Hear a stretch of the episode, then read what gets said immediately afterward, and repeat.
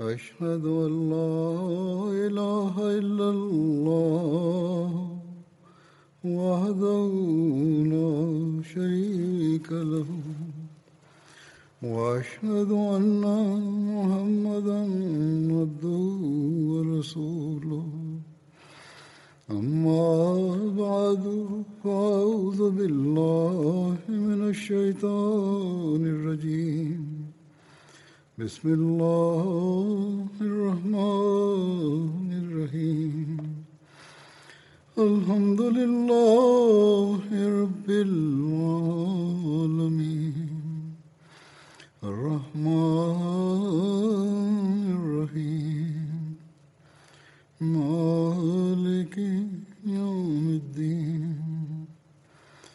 إياك نعبد وإياك نستعين. إهدنا الصراط المستقيم. صراط الذين أنعمت عليهم غير المغضوب عليهم ولا الضالين هو الذي بعث في الأميين. رسول منهم يتلو عليهم آياته ويزكيهم ويعلمهم الكتاب والحكمة. وإن كانوا من قبل لفي ضلال مبين۔ وہی ہے جس نے امی لوگوں میں، انہی میں سے ایک عظیم رسول مبوس کیا۔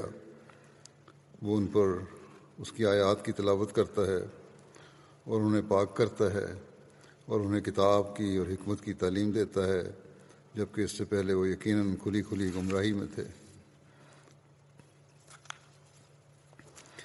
وآخرين منهم لما يلحقوا بهم وهو العزيز الحكيم.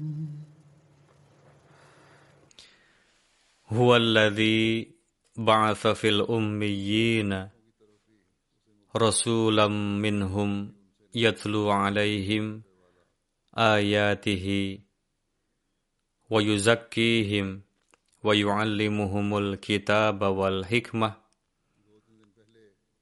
wa in kanu min qablu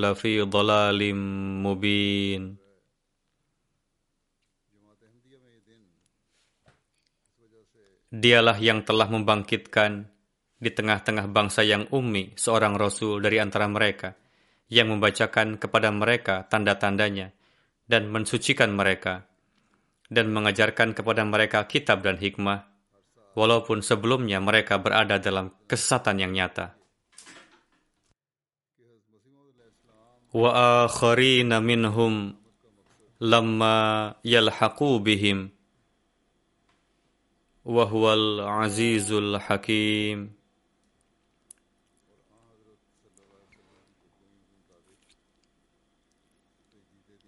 Dan dia akan membangkitkannya juga pada kaum lain dari antara mereka yang belum bertemu dengan mereka, dan dialah yang maha perkasa, maha bijaksana.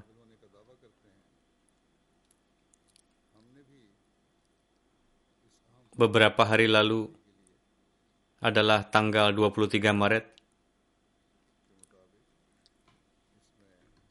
yang mana dalam jemaat Ahmadiyah, tanggal tersebut diperingati karena pada tanggal tersebut bertepatan dengan peletakan pondasi jemaat Ahmadiyah dan pada tanggal tersebut Hadrat Maud salam mengambil bayat. Alhasil, tanggal tersebut hendaknya mengingatkan kita setiap tahunnya bahwa tujuan dari kedatangan Hadrat Maud salam sesuai dengan nubuatan Al-Quran dan Hadrat Rasulullah Sallallahu Alaihi Wasallam untuk memperbarui agama dan menyebarkan ajaran Islam sejati di dunia. Adapun kita yang menyatakan ikut serta bayat kepada beliau untuk memenuhi tugas penting tersebut, hendaknya menjadi bagian di dalamnya sesuai dengan kapasitas masing-masing dan menjalinkan hubungan manusia yang telah tersesat dengan Tuhan dan mengingatkan manusia untuk memenuhi hak-hak satu sama lain. Jelaslah bahwa untuk tugas tersebut, pertama-tama kita harus terlebih dulu memperbaiki diri. Pada saat ini, saya akan sampaikan beberapa rujukan dari tulisan Hadrat Masih Maud salam yang di dalamnya dijelaskan tujuan dan maksud kedatangan beliau dan bagaimana tergenapinya nubuatan-nubuatan yang telah dikabarkan sebelum baik itu nubuatan dari Al-Qur'an ataupun Rasulullah sallallahu alaihi wasallam. Darinya terbukti kebenaran beliau alaihi salam. Dan kemudian saya juga akan menyampaikan mengenai timbulnya perubahan suci dalam jemaat yang beliau sampaikan yang merupakan perubahan suci yang timbul dalam diri para sahabat. Dan beliau juga menyampaikan mengenai penderitaan-penderitaan yang dialami para sahabat dan dialami juga oleh para anggota jemaat. Alhasil, kita harus selalu mengingat hal-hal ini supaya kita sebagai suatu jemaat meraih kemajuan dan tidak mengalami kemerosotan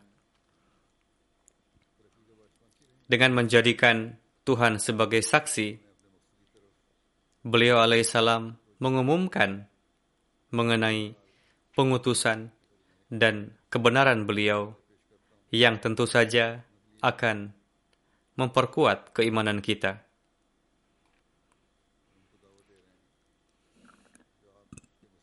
Jika kita terus merenungkan hal-hal ini dan mengingatnya setiap saat, maka tentu saja ini akan terus menjadi sarana kemajuan bagi keimanan kita dan terus mengingatkan kita mengenai tujuan kita.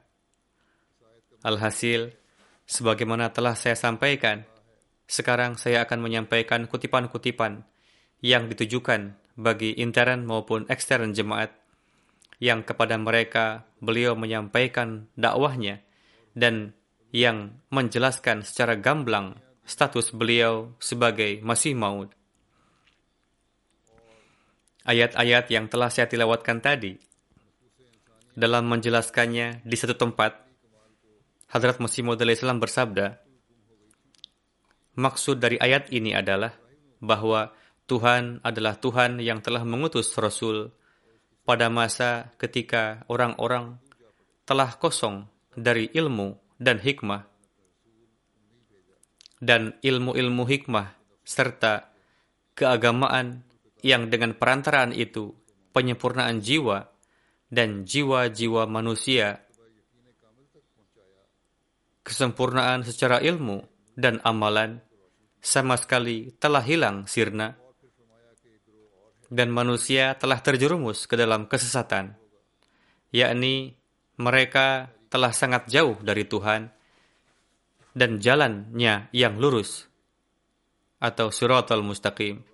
Lalu pada masa seperti itu Allah Ta'ala mengutus Rasulnya yang ummi dan Rasul ini mensucikan jiwa-jiwa mereka dan memenuhi mereka dengan ilmu kitab dan hikmah yakni menyampaikan mereka pada tingkatan keyakinan yang sempurna dengan tanda-tanda dan mukjizat dan menerangi hati mereka dengan nur pengetahuan tentang Tuhan. Dan kemudian bersabda bahwa ada golongan lain yang akan muncul pada akhir zaman. Mereka pun pada awalnya akan berada dalam kegelapan dan kesesatan dan jauh dari ilmu, hikmah dan keyakinan.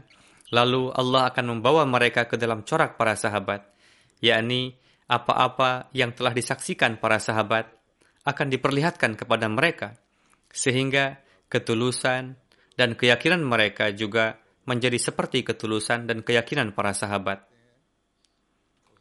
Alhasil, setelah kita bayat kepada Hadrat Masih Maud salam, keyakinan seperti inilah yang harus ada pada diri kita terhadap kebenaran beliau alaihissalam dan demikianlah hendaknya kondisi keimanan kita.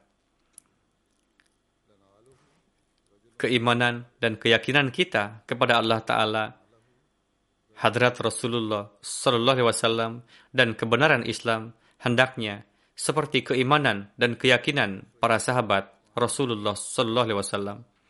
Sebagaimana belakangan ini saya tengah menguraikan dalam khutbah-khutbah mengenai kondisi para sahabat dan terbentang contoh-contoh di hadapan kita. Beliau Islam bersabda, dan terdapat dalam hadis bahwa pada saat menafsirkan ayat ini, Hadrat Rasulullah SAW meletakkan tangannya pada pundak Hadrat Salman Al-Farisi dan bersabda, Laukanal imanu mu'allakun bisurayya lana lahu rajulun min faris. Yakni, jika iman telah terangkat ke bintang Suraya, yakni ke langit, maka seseorang yang berasal dari Farsi akan membawanya kembali. Ini mengisyaratkan bahwa di akhir zaman, seseorang yang berasal dari Farsi akan lahir. Pada zaman yang mana mengenainya, tertulis bahwa Al-Quran akan diangkat ke langit. Inilah zaman yang merupakan zaman Masih Maud salam. Yakni ajaran Islam dan ajaran Al-Quran telah betul-betul dilupakan.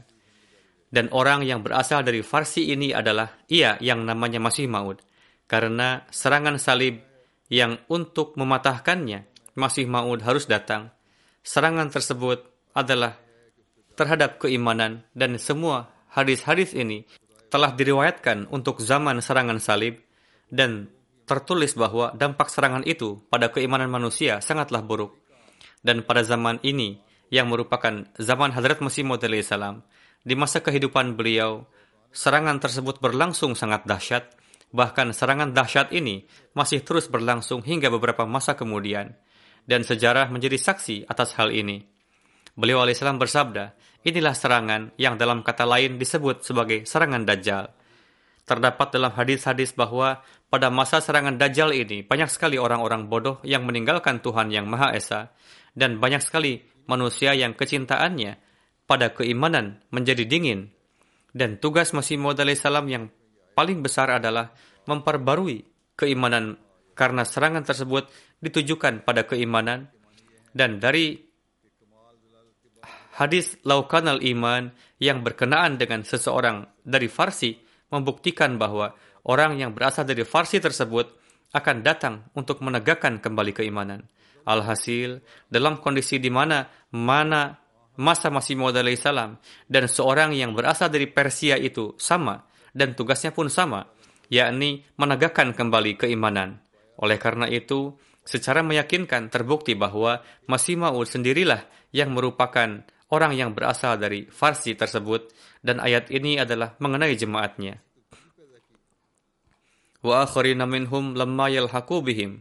Arti dari ayat ini adalah setelah kesesatan mencapai puncaknya yang meraih petunjuk dan hikmah dan menyaksikan mukjizat serta keberkahan Hadrat Rasulullah SAW hanya ada dua kelompok. Yang pertama adalah para sahabat Hadrat Rasulullah SAW yang sebelum kedatangan Hadrat Rasulullah mereka terjerumus dalam kegelapan dan kemudian setelah itu dengan karunia Allah Ta'ala mereka mendapati zaman kenabian dan menyaksikan mukjizat dengan mata mereka sendiri dan menyaksikan nubuatan-nubuatan dan keyakinan telah menciptakan satu perubahan dalam diri mereka sendiri dalam diri mereka sehingga seolah-olah hanya tersisa satu ruh. Golongan yang kedua adalah kelompok Masih Maud yang menurut ayat di atas adalah seperti para sahabat. Karena kelompok ini pun seperti halnya para sahabat menyaksikan mukjizat hadrat Rasulullah SAW. Dan setelah masa kegelapan dan kesesatan, mereka mendapatkan petunjuk.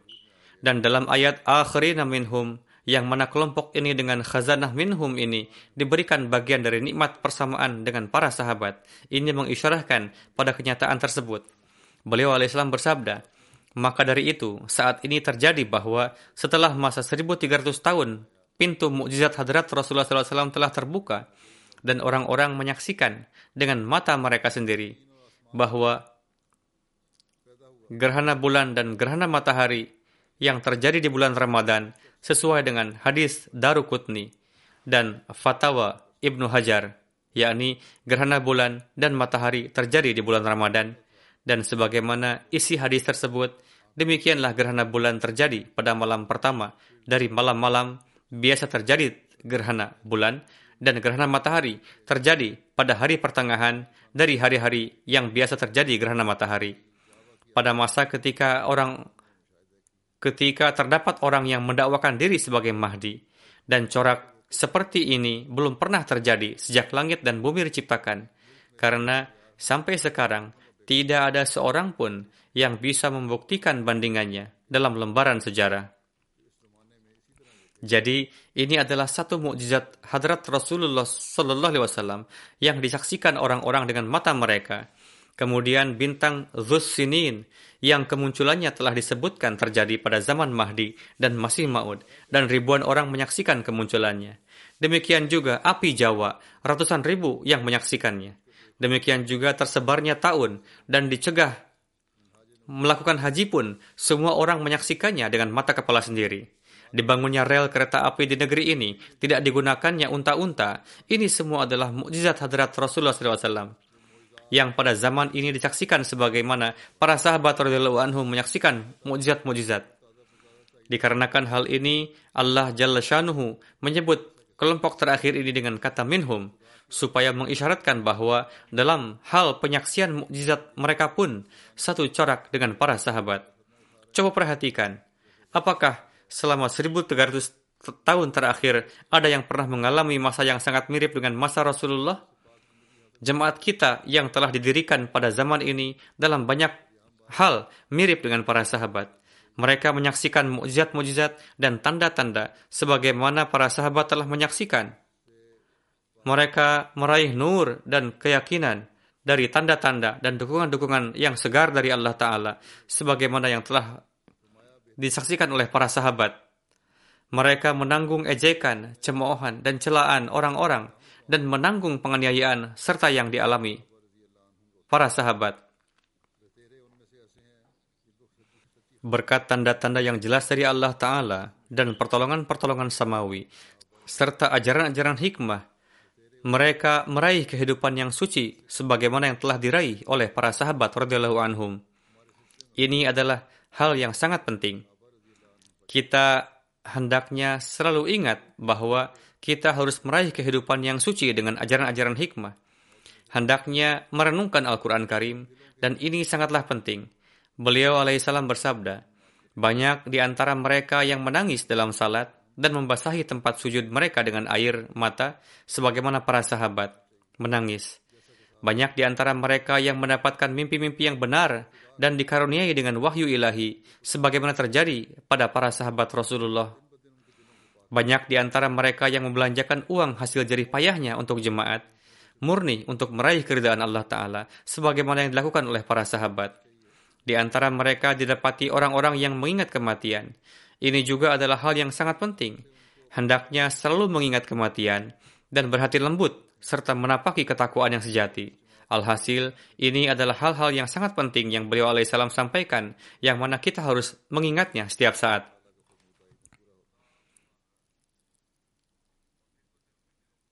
Walhasil, apa yang telah beliau terangkan ini adalah hal-hal yang sangat penting yang setiap saat harus kita perhatikan, seperti teladan para sahabat radhiyallahu anhum.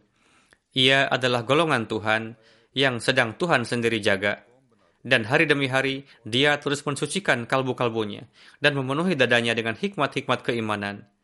Hendaknya kita menilai apakah semua hal ini pun tengah tumbuh di dalam diri kita, dan dengan tanda-tanda samawi dia menarik mereka ke arahnya, seperti dulu dia telah menarik para sahabat. Jadi, semua ciri-ciri itu, yaitu yang terkandung dalam lafaz akhirina minhum, terdapat dalam jemaat ini. Dan pastilah bahwa firman Allah Ta'ala suatu hari akan terpenuhi. Kemudian beliau bersabda, ini adalah zaman yang di dalamnya Allah Ta'ala telah berkehendak bahwa dia akan membuat berbagai golongan menjadi satu kaum, yaitu seraya mengakhiri perselisihan-perselisihan keagamaan pada akhirnya dia menyatukan semuanya saat dalam satu agama. Terkait zaman ini yang merupakan zaman talatum amwaj, yakni terjadinya gelombang-gelombang yang saling menggulung, di mana Allah Ta'ala berfirman dalam Al-Quran Syarif, وَنُفِخَ فِي السُّورِ فَجَمَعْنَاهُمْ جَمَعًا Dengan menghubungkan ayat ini dengan ayat-ayat sebelumnya, ini bermakna, di zaman tatkala akan muncul kegemparan hebat pada agama-agama dunia, di mana suatu agama terhadap agama lain laksana satu gelombang yang menggulung gelombang lainnya dan saling ingin menghabiskan satu sama lain, maka pada saat itulah Tuhan langit dan bumi di masa terjadinya gelombang yang menggulung itu, dia akan menumbuhkan satu jemaat baru dengan tangannya tanpa sarana-sarana duniawi dan akan mengumpulkan mereka semua di dalamnya yaitu jiwa-jiwa yang memiliki kemampuan dan kesesuaian. Maka saat itulah mereka akan memahami apakah agama itu, dan di dalam diri mereka akan ditiupkan ruh kehidupan dan ketakwaan sejati, dan mereka akan dituangkan cawan ma'rifat Tuhan.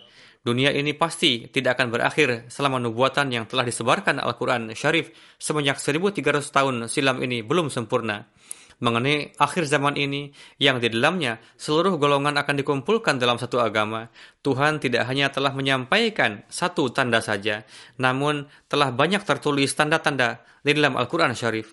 Salah satu di antaranya adalah zaman itu akan mengalir banyak saluran dari sungai-sungai. Kemudian barang-barang tambang terpendam bumi akan sangat banyak ditemukan dan ilmu-ilmu pengetahuan duniawi akan banyak tersingkap juga akan timbul sarana-sarana yang dengannya buku-buku akan banyak tersebar. Kemudian di masa itu akan muncul suatu kendaraan yang akan meniadakan unta-unta dan yang dengan perantaraannya cara untuk bertemu akan menjadi mudah. Dengannya komunikasi antar manusia di dunia akan menjadi semakin mudah dan seseorang akan dengan mudah menyampaikan informasi kepada yang lain. Bahkan dewasa ini terus muncul banyak sarana-sarana kemudahan. Tanda selanjutnya, di masa tersebut akan terjadi gerhana bulan dan matahari di bulan yang sama, yakni Ramadan.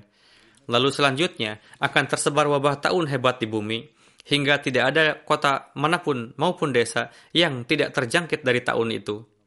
Dan akan banyak terjadi kematian di dunia, dan dunia akan menjadi seperti terbengkalai. Beberapa kampung akan sangat binasa, dan tak akan tersisa apa pun darinya. Sebagian tempat ada yang terjerat azab itu hingga batas ketentuan, hingga batas tertentu, lalu ia akan diselamatkan. Hari-hari ini akan menjadi hari kemarahan besar Tuhan, karena mereka telah tidak menerima tanda-tanda yang telah nyata di masa ini untuk utusannya. Mereka telah menolak Nabi Allah yang telah datang untuk perbaikan manusia, dan mereka telah menganggapnya pendusta. Ini semua adalah tanda-tanda di masa ini yang telah kita saksikan pemenuhannya. Bagi mereka yang bijaksana, ini adalah jalan yang jelas lagi cemerlang, yaitu Tuhan telah mengutusku di waktu semua tanda-tanda yang tertera di dalam Al-Quran Syarif telah zahir untuk kebangkitanku. Dan sejarah telah menjadi bukti bahwa semua hal ini telah sempurna di zaman beliau dan beberapa darinya terus terpenuhi hingga kini.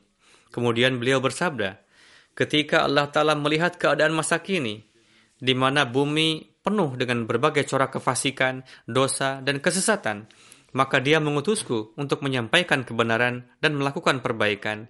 Zaman ini pun adalah sedemikian rupa, sesuai di mana manusia telah mencapai awal abad ke-14. Lalu, sesuai dengan perintah ilahi ini, aku pun mulai menyerukan dengan perantaraan selebaran-selebaran dan pidato-pidato bahwa wujud yang telah dinantikan akan datang dari Allah Ta'ala pada permulaan abad ini untuk pembaruan agama itu, akulah orangnya supaya aku menegakkan kembali iman yang telah terangkat dari bumi, dan seraya mendapatkan dukungan tangan Tuhan. Dengannya aku menarik dunia ke arah perbaikan, ketakwaan, dan kesucian.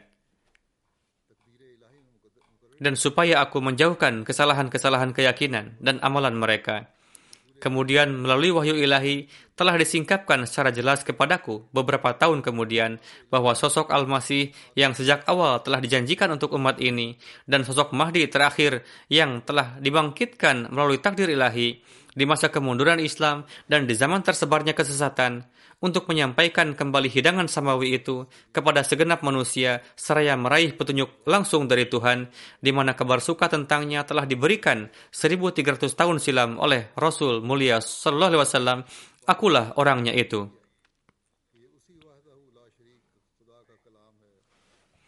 Bimbingan wahyu ilahiyah terkait hal ini adalah sedemikian rupa jelas dan terus menerusnya, di mana tak tersisa lagi keraguan tentangnya. Setiap wahyu yang datang itu telah menancap kuat di kalbuku laksana paku besi, dan seluruh rangkaian wahyu ilahiyah ini penuh dengan kabar suka, kabar suka luar biasa yang sempurna layaknya terangnya hari. Kedatangannya yang terus-menerus dan banyak serta karisma mukjizat kekuatannya telah mendorong aku untuk menyerukan bahwa ini adalah kalam dari Tuhan yang Maha Esa dan tiada sekutu baginya. Dan yang salah satu kalamnya adalah Al-Quran Syarif. Dan di sini aku tidak menyebut Taurat dan Injil, karena Taurat dan Injil telah sedemikian rupa mengalami penyisipan dan perubahan di tangan para pengubah. Sehingga kini kitab-kitab itu tidak dapat lagi dikatakan sebagai kaum Tuhan. Jadi, wahyu Tuhan yang telah turun padaku itu adalah sedemikian rupa yakin dan pasti, di mana melaluinya aku mampu meraih kedekatan dengan Tuhanku. Dan wahyu tersebut tidak hanya telah sampai pada tingkatan hakul yakin melalui tanda-tanda semawi, namun bahkan setiap bagiannya telah terbukti sesuai dengan kalam Tuhan yang ada dalam Al-Quran. Dan tanda-tanda semawi telah turun laksana hujan untuk mendukungnya. Di hari-hari itulah bulan Ramadan telah terjadi juga gerhana matahari dan bulan. Sebagaimana telah tertera di dalamnya, bahwa di masa Mahdi itu akan terjadi gerhana matahari dan bulan di bulan Ramadan dan di hari-hari itu jugalah telah terjangkit wabah tahun yang hebat di Punjab. Sebagaimana kabar ini pun terdapat di dalam Al-Quran Syarif dan para nabi sebelumnya pun telah mengabarkannya bahwa akan banyak kematian di zaman tersebut hingga tiada desa maupun kota yang akan terjaga dari bencana itu. Dan inilah yang telah dan sedang terjadi. Tuhan telah mengabarkan kepadaku kurang lebih 22 tahun silam sebelum kemunculan tahun ini tatkala di negeri ini tak diketahui sedikit pun tentang tahun ini. Tahun ini. Kemudian beliau bersabda mengenai pengakuan beliau bahwa aku adalah sosok yang bangkit tepat pada waktunya. Tatkala di langit terjadi gerhana bulan dan matahari di bulan Ramadan yang sesuai dengan kabar-kabar suka di dalam Al-Quran, hadis, Injil maupun nabi-nabi lainnya. Akulah sosok yang di masanya telah tersebar wabah tahun secara luar biasa di negeri ini, sesuai dengan nubuatan segenap nabi dan Al-Quran Syarif. Akulah sosok yang pada masanya sesuai dengan hadis sahih, haji telah dilarang. Akulah sosok yang pada masanya telah nak tampak bintang yang dahulu juga tampak pada masa Al-Masih Ibnu Maryam. Akulah sosok yang di masanya kereta api muncul dan meniadakan sarana onta, dan telah dekat dan telah dekat, bahkan tak lama lagi akan datang masa tatkala Mekah dan Madinah pun akan terhubung dengan rel kereta api dan semua onta akan ditinggalkan. Dulu terhubung melalui jalan biasa, kini telah terhubung dengan rel kereta api. Dan semua onta itu akan ditinggalkan, meskipun semenjak 1300 tahun silam, perjalanan penuh berkat, yakni haji itu, ditempuh melalui jalan biasa tersebut maka di saat itulah hadis tentang unta-unta tersebut yang terdapat di dalam Sahih Muslim akan menjadi sempurna yaitu wala yutrakunna fala yus'a bahwa di masa Al-Masih kelak unta akan tinggalkan dan tidak ada yang akan bepergian dengannya. Demikian pula akulah sosok yang di tangannya telah nyata beratus-ratus tanda. Apakah kini ada manusia di permukaan bumi ini yang mampu unggul menandingiku dalam memperlihatkan tanda ini? Aku bersumpah demi Tuhan yang jiwaku ada di tangannya, bahwa hingga kini telah zahir lebih dari 200 ribu tanda melalui tanganku. Dan mungkin ada sekitar 10 ribu orang yang telah melihat Rasulullah SAW di dalam mimpi, di mana beliau telah membenarkanku. Dan ada beberapa ahli kasyaf terkenal negeri ini yang memiliki murid hingga 3 atau 400 ribu banyaknya kepadanya telah diperlihatkan melalui mimpi bahwa hamba ini adalah berasal dari Tuhan. Dan ada beberapa di antara mereka yang bahkan baru saja 30 tahun berlalu, seperti halnya seorang suci bernama Gulab Shah dari distrik Ludhiana, di mana beliau telah mengabarkan kepada Mia Karim Baksh almarhum dari Jamalpur bahwa Isa telah lahir di Kadian dan ia akan datang ke Ludhiana. Mia Karim Baksh adalah sosok yang saleh, taat, dan berusia lanjut. Ia telah berjumpa denganku di Ludhiana, dan ia telah menyampaikan seluruh nubuatan ini. Karena inilah para maulwi kerap menimpakan banyak kesulitan kepadanya, namun ia tidak menghiraukannya. Ia mengatakan kepadaku bahwa Gulab Syah berkata kepadanya, Isa ibnu Maryam tidaklah hidup, tetapi ia telah mati, dan ia tidak akan kembali ke dunia. Mirza Ghulam Ahmad adalah Isa bagi umat ini, di mana kudrat dan kebijaksanaan Tuhan telah menjadikannya serupa dengan Isa yang sebelumnya. Dan di langit ia telah dinamakan Isa. Ia, Gulab Shah, berkata, Wahai Karim Baksh, yaitu muridnya, tatkala sosok Ita itu akan tatkala sosok Isa itu akan zahir, engkau akan melihat betapa para maulwi akan melawannya, menentangnya. Mereka akan sangat menentangnya, namun mereka akan terus gagal dan hingga sekarang terus gagal. Ia zahir ke dunia untuk menghilangkan catatan palsu yang telah disisipkan pada Al-Quran itu dan memperlihatkan wajah Al-Quran yang sebenarnya kepada dunia. Di dalam nubuatan tersebut, sosok suci itu dengan jelas telah mengisyaratkan bahwa muridnya itu akan meraih umur yang sedemikian panjang, di mana ia akan menjadi sosok Isa ini. Yakni di sisi pun, di sini pun terkandung nubuatan tentang usia muridnya tersebut. Kemudian Harut Masih Maud bersabda, Ingatlah, nama Tuhan pun adalah Ghafur, yakni maha pengampun. Maka mengapakah dia tidak memaafkan orang yang kembali atau taubat kepadanya? Salah satu di antara kekeliruan-kekeliruan yang terdapat di dalam umat ini adalah kekeliruan tentang jihad. Aku heran bahwa ketika aku mengatakan jihad adalah haram, sontak matanya memerah. Padahal ia sendirilah yang meyakini bahwa hadis-hadis tentang Mahdi penumpah darah adalah meragukan. Maulwi Muhammad Hussein Batalwi pun telah menuliskan risalah-risalah terkait hal ini. Jadi, ia pun telah menerimanya. Dan ini jugalah keyakinan yang dipegang oleh Mia Nazir Hussein Delvi.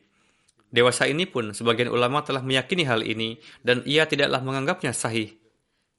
Lalu, mengapa aku pun dikatakan pendusta? Hal yang sebenarnya adalah tugas Masih Maud dan Mahdi tiada lain adalah menutup rangkaian peperangan dan akan mengumandangkan Islam dengan pena, doa, dan ajakan. Jadi, ini jugalah sekarang pekerjaan para pengikutnya, yaitu pena, doa, dan ajakan. Sayang, sayang sekali, orang-orang tidak memahami hal ini karena mereka lebih tertarik pada kebendaan daripada agama. Kita pun harus menelaah kondisi kita masing-masing setelah beriman apakah perhatian kita tertuju lagi kepada duniawi ataukah tidak. Setelah tenggelam dalam kekotoran dunia dan amoralitas, bagaimana mereka bisa berharap bahwa makrifat Al-Quran akan terbuka kepada mereka? Karena Al-Quran dengan jelas mengatakan, La yamassuhu illal mutahharun. Dengarkan baik-baik Dengarkan baik-baik bahwa tujuan dari pengutusanku yaitu tujuan kedatanganku, tujuan pengutusanku, yaitu untuk memperbaharui dan meneguhkan kembali Islam.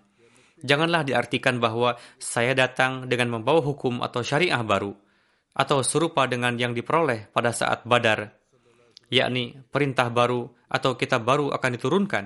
Sama sekali tidak. Jika seseorang berpikir demikian, menurut hemat saya, dia sangat tersesat dan tidak beriman kenabian dan syariat telah sampai pada titik absolutnya dalam pribadi Nabi suci Shallallahu Alaihi Wasallam. Syariat baru tidak akan bisa datang lagi. Al-Quran adalah kitab yang terakhir dan sempurna. Tidak ada perubahan apa pun, bahkan tidak setitik ataupun tanda. Namun demikian, benar juga bahwa berkah dan karunia Nabi suci Shallallahu Alaihi Wasallam dan buah dari ajaran dan petunjuk Al-Quran tidak ada habisnya. Mereka hadir di setiap zaman, selalu segar dalam kemurniannya. Untuk membuktikan karunia dan keberkatan inilah Allah Ta'ala telah menunjuk saya. Kondisi Islam yang menyedihkan saat ini bukanlah rahasia. Semua orang sepakat bahwa Muslim menderita segala macam kekurangan dan kemerosotan. Mereka merosot dalam setiap aspek, Terlebih sekarang, kondisi lebih buruk lagi seperti yang kita saksikan. Mereka hanya bisa mereka hanya basa-basi kepada Islam, hati mereka tidak ada di dalamnya. Islam telah menjadi seperti anak yatim piatu. Begitulah keadaan di mana Tuhan telah mengutus saya, sehingga saya dapat mendukung Islam sebagai penjaganya. Terlebih lagi, Tuhan telah mengutus saya untuk memenuhi janjinya, karena dia telah menyatakan, Inna nahnu nazzalna dzikra wa inna lahu lahafizun. Jika saat ini bantuan dan pertolongan dan perlindungan tidak diberikan, lantas kapan lagi Situasi di abad ke-14 ini keadaannya sama seperti yang terjadi ketika Badar, yang mana Allah telah berfirman, Walaqad nasarakumullahu bi Badrin wa antum azillah.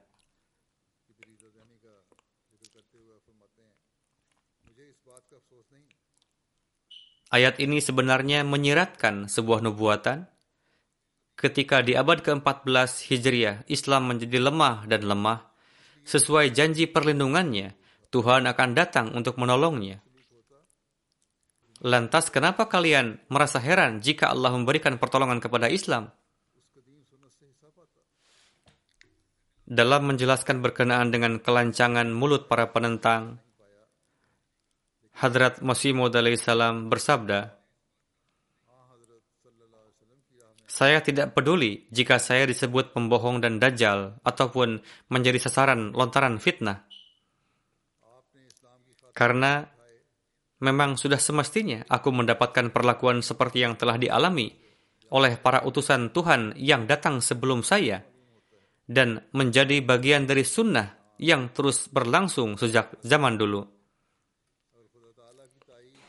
Nyatanya bagian yang saya alami dari penderitaan dan kesulitan ini tidak ada artinya namun penderitaan dan kesulitan yang dihadapi oleh junjungan kita Nabi Muhammad sallallahu alaihi wasallam bandingannya tidak dijumpai dalam seluruh sejarah para nabi.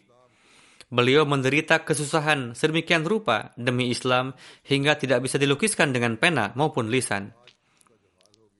Ini menunjukkan betapa luar biasa dan luhurnya tekad beliau sebagai seorang nabi. Jika dukungan dan pertolongan ilahi tidak menyertai beliau, maka tidaklah mungkin bagi beliau untuk dapat menghadapi gunung cobaan dan kesengsaraan seperti itu. Dan jika ini menimpa kepada nabi lain selain beliau, maka nabi tersebut akan gagal. Namun Islam yang beliau sebarkan disertai dengan penderitaan dan kesulitan seperti itu berada dalam kondisi yang begitu mengerikan pada hari ini sebagai gambaran yang menantang. Umat Islam telah sedemikian rupa merubah keadaan Islam dan tidak mau beriman kepada orang yang akan datang untuk menciptakan reformasi. Melalui tulisan, saya telah menampilkan sepenuhnya cara yang dapat membantu Islam agar berhasil dan menegakkan supremasinya atas semua agama. Tulisan-tulisan risalah saya dikirim ke Amerika dan Eropa.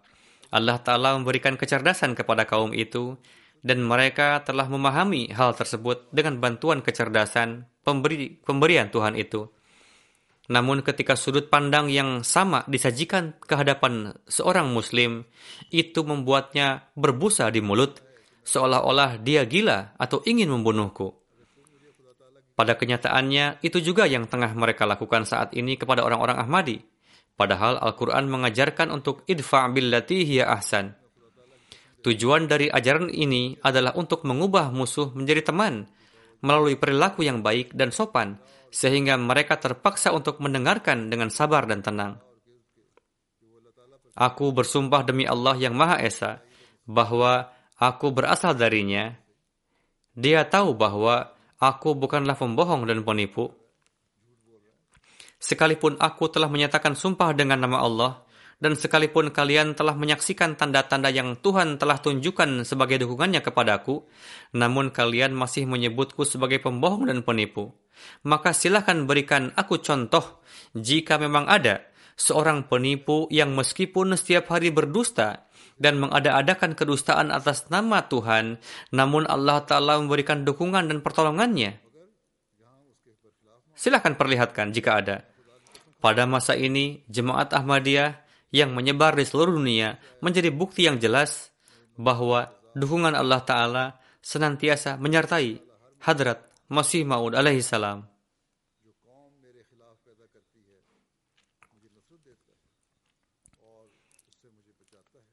Seharusnya orang pendusta seperti itu dibinasakan oleh Tuhan. Tetapi yang terjadi dalam kasus saya justru sebaliknya. Sekali lagi, saya bersumpah demi Tuhan bahwa aku berada di atas kebenaran dan telah diutus olehnya. Meskipun saya pada gilirannya disebut pembohong dan penipu, Tuhan membantu saya dalam setiap kasus yang di dalamnya pihak penentang melibatkan saya. Terlebih lagi, dia membantu saya dengan menanamkan kecintaan kepada saya ke dalam hati ratusan ribu orang, baik yang dekat maupun jauh. Tidak hanya di Hindustan saja, bahkan di Eropa, Amerika, di Afrika, Amerika Selatan, di kepulauan, di Australia, di negeri-negeri Arab juga. Allah Ta'ala telah menanamkan rasa cinta di dalam kalbu ratusan ribu orang. Sungguh aneh, seperti inikah perlakuan Allah Ta'ala terhadap seorang pendusta? Saya menganggap hal ini sebagai bukti kebenaranku. Tunjukkan pada saya contoh seorang penipu dan mengada-ada kedustaan kepada Allah Ta'ala, namun meskipun demikian, Allah Ta'ala memberikan pertolongan padanya sedemikian rupa dan membiarkannya hidup sampai sekian masa dan menyempurnakan apa yang menjadi keinginannya. Merupakan kewajiban bagi umat Islam untuk menghargai cahaya dan berkah yang saat ini turun dari langit dan bersyukur kepada Tuhan atas bimbingan yang tepat waktu ini untuk membantu mereka pada saat-saat sulit sesuai dengan janjinya. Jika Muslim tidak menghargai karunia ilahi ini, Tuhan yang Maha Kuasa tidak akan peduli terhadap mereka. Dia tidak akan berhenti sebelum menyelesaikan tugasnya dan akan membiarkan mereka menyesali penderitaan mereka. Saya menyatakan dengan segenap penekanan, keyakinan pemenuh dan pemahaman penuh bahwa Tuhan telah memutuskan untuk mengunggulkan Islam di atas semua agama lain dan membiarkan Islam menang dan menjadi kuat. Sekarang tidak ada tangan atau kekuatan yang dapat menolak atau menghentikan pemenuhan kehendak Tuhan ini. Beliau bersabda, Wahai umat Islam, ingatlah, dengan perantaraanku Tuhan telah mengabarkan kepada kalian dan aku telah menyampaikan pesanku dengan sepatutnya. Sekarang terserah kalian apakah ingin mengindahkan atau tidak adalah benar bahwa Hadrat Isa alaihissalam sudah wafat dan aku bersumpah demi Tuhan bahwa orang yang telah dijanjikan akan datang itu akulah orangnya. Dan ini juga merupakan fakta yang tidak dapat disangkal bahwa kehidupan Islam terletak pada kematian Isa alaihissalam. Setiap hari Tuhan terus memberikan aib kepada para penentangku yang tidak tahu apa-apa dengan memanifestasikan segala macam tanda. Aku bersumpah demi dia bahwa sebagaimana dia bercakap-cakap dengan Nabi Ibrahim alaihissalam dan juga Ishak alaihissalam, Ismail, Yakub alaihissalam dan Yusuf alaihissalam, Musa alaihissalam dan Isa ibnu Maryam alaihissalam, setelah bercakap-cakap dengan mereka, dia berbicara kepada Nabi suci kita Muhammad sallallahu alaihi wasallam dengan menurunkan wahyu suci yang kejelasan dan kemurniannya tak tertandingi. Begitu pula dia menganugerahiku percakapan dan wahyunya namun kehormatan ini dianugerahkan kepadaku semata-mata karena aku sepenuhnya tunduk kepada Nabi Muhammad sallallahu alaihi wasallam. Jika aku tidak menjadi bagian dari umat Nabi suci sallallahu alaihi wasallam dan tidak menjadi pengikutnya, sekalipun jika amalan baikku sama besarnya dengan seluruh gunung di dunia ini, aku tidak akan pernah menerima kehormatan ini untuk bercakap-cakap dengan Tuhan karena semua kenabian telah berakhir kecuali kenabian Nabi Muhammad sallallahu alaihi wasallam. Tidak ada nabi pembawa syariat baru yang bisa datang setelah beliau. Adapun nabi yang tidak membawa syariat baru dapat datang. Tetapi ia harus menjadi pengikut Nabi suci sallallahu alaihi wasallam terlebih dahulu. Berdasarkan ini, aku adalah seorang ummati dan juga nabi. Kenabian saya, yaitu percakapan saya dengan Tuhan, tidak lain adalah refleksi dari Nabi Muhammad sallallahu alaihi wasallam. Tanpa itu, kenabian saya ini tidak berarti apa-apa. Kenabian Muhammadiyah itulah yang telah memanifestasikan dirinya melalui saya. Dan karena saya hanyalah merupakan bayangan dan juga pengikut beliau yang taat, untuk itu sedikit pun tidak mengurangi status keluhuran Nabi suci Sallallahu Alaihi Wasallam. Percakapan dengan Tuhan yang saya alami sangatlah meyakinkan. Jika saya meragukannya walaupun untuk sesaat, maka saya akan menjadi kafir dan kehidupanku di akhirat akan hancur. Firman yang diungkapkan kepada saya itu merupakan sesuatu yang qat'i dan pasti. Sebagaimana setelah melihat matahari dan cahayanya, tidak ada yang dapat meragukan bahwa ini adalah matahari dan sinarnya. Demikian pula, saya tidak dapat meragukan firman yang turun dari Allah Ta'ala kepadaku. Saya meyakininya seperti saya meyakini kitabnya. Misi sebenarnya Tuhan mengutusku adalah untuk menghilangkan keterasingan yang telah menciptakan jarak antara manusia dan penciptanya, dan membangun kembali hubungan cinta dan ketulusan antara dia dan Tuhannya. Dia juga telah menunjuk saya untuk menghentikan peperangan agama dengan menzahirkan kebenaran, untuk menciptakan kerukunan beragama, untuk mengungkapkan kebenaran agama yang telah lama tersembunyi dari pandangan mata, dan untuk menampilkan keruhanian sejati yang terpendam di bawah kegelapan egois nafsu. Saya juga telah diutus untuk mendemonstrasikan dalam corak amalan dan tidak hanya dengan ucapan saja bagaimana kekuatan ilahi memasuki manusia dan bagaimana hal itu dimanifestasikan melalui doa dan tawajuh atau konsentrasi. Tapi pertama dan terpenting, saya telah diutus untuk selamanya menegakkan kembali kepercayaan yang hilang pada tauhid ilahi yang murni dan bercahaya dan tidak tercemar oleh segala bentuk penyembahan berhala, syirik. Semua ini tidak akan terpenuhi dengan kekuatan saya, tetapi oleh tangan perkasa Tuhan, pemilik langit dan bumi. Sementara Tuhan telah memberikan tarbiat kepadaku dengan tangannya sendiri dan telah mengilhami saya melalui wahyunya dengan semangat untuk mewujudkan islah ini. Dia juga telah mempersiapkan kalbu-kalbu yang siap menerima perkataan saya. Sejak Tuhan mengutus saya, revolusi besar mulai terbentuk di dunia. Meskipun orang-orang Eropa dan Amerika sangat percaya pada ketuhanan Kristus, para sarjana mereka sendiri sekarang mulai menjauhkan diri dari doktrin ini. Orang-orang yang selama beberapa generasi tergila-gila dengan berhala dan dewa-dewi lainnya, kini menyadari bahwa dewa-dewa mereka tidak berharga dan meskipun mereka tetap tidak menyadari keruhanian sejati dan masih berpegang pada ritual mereka, namun mereka telah berhasil membebaskan diri dari banyak hal yang sia-sia, tradisi, takhayul, dan praktik penyembahan berhala, dan hampir berdiri di ambang pintu untuk menerima tauhid ilahi.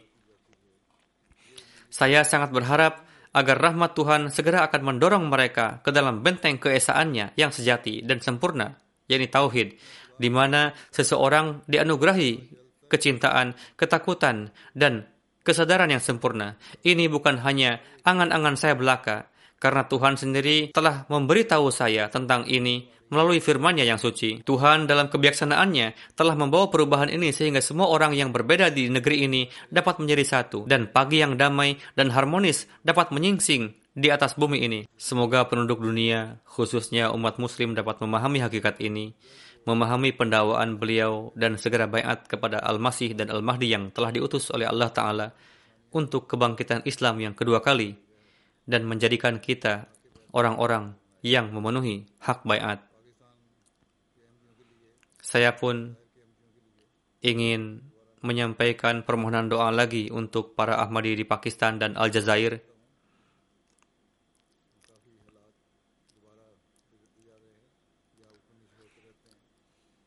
kondisi di sana semakin tidak kondusif atau turun naik sehingga kita tidak bisa mengatakan sudah aman dan tentram sepenuhnya.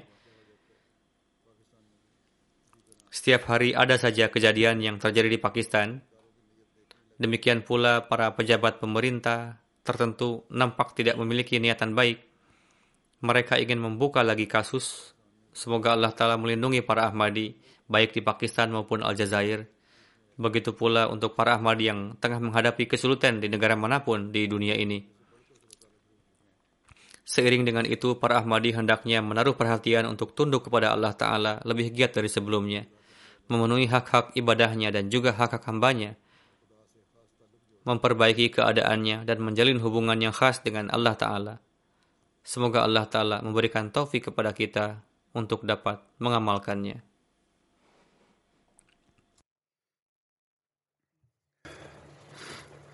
الحمد لله الحمد لله نحمده ونستعينه ونستغفره ونؤمن به ونتوكل عليه ونعوذ بالله من شرور أنفسنا ومن سيئات أعمالنا. من يهده الله فلا مضل له ومن يضلل فلا هادي له. ونشهد أن لا إله إلا الله. ونشهد أن محمدا عبده ورسوله. عباد الله رحمكم الله. إن الله يأمر بالعدل واللسان وإيتاء ذي القربى وينهى عن الفحشاء والمنكر والبغي يعظكم لعلكم تذكرون. واذكروا الله يذكركم وادعوه يستجب لكم ولذكر الله أكبر.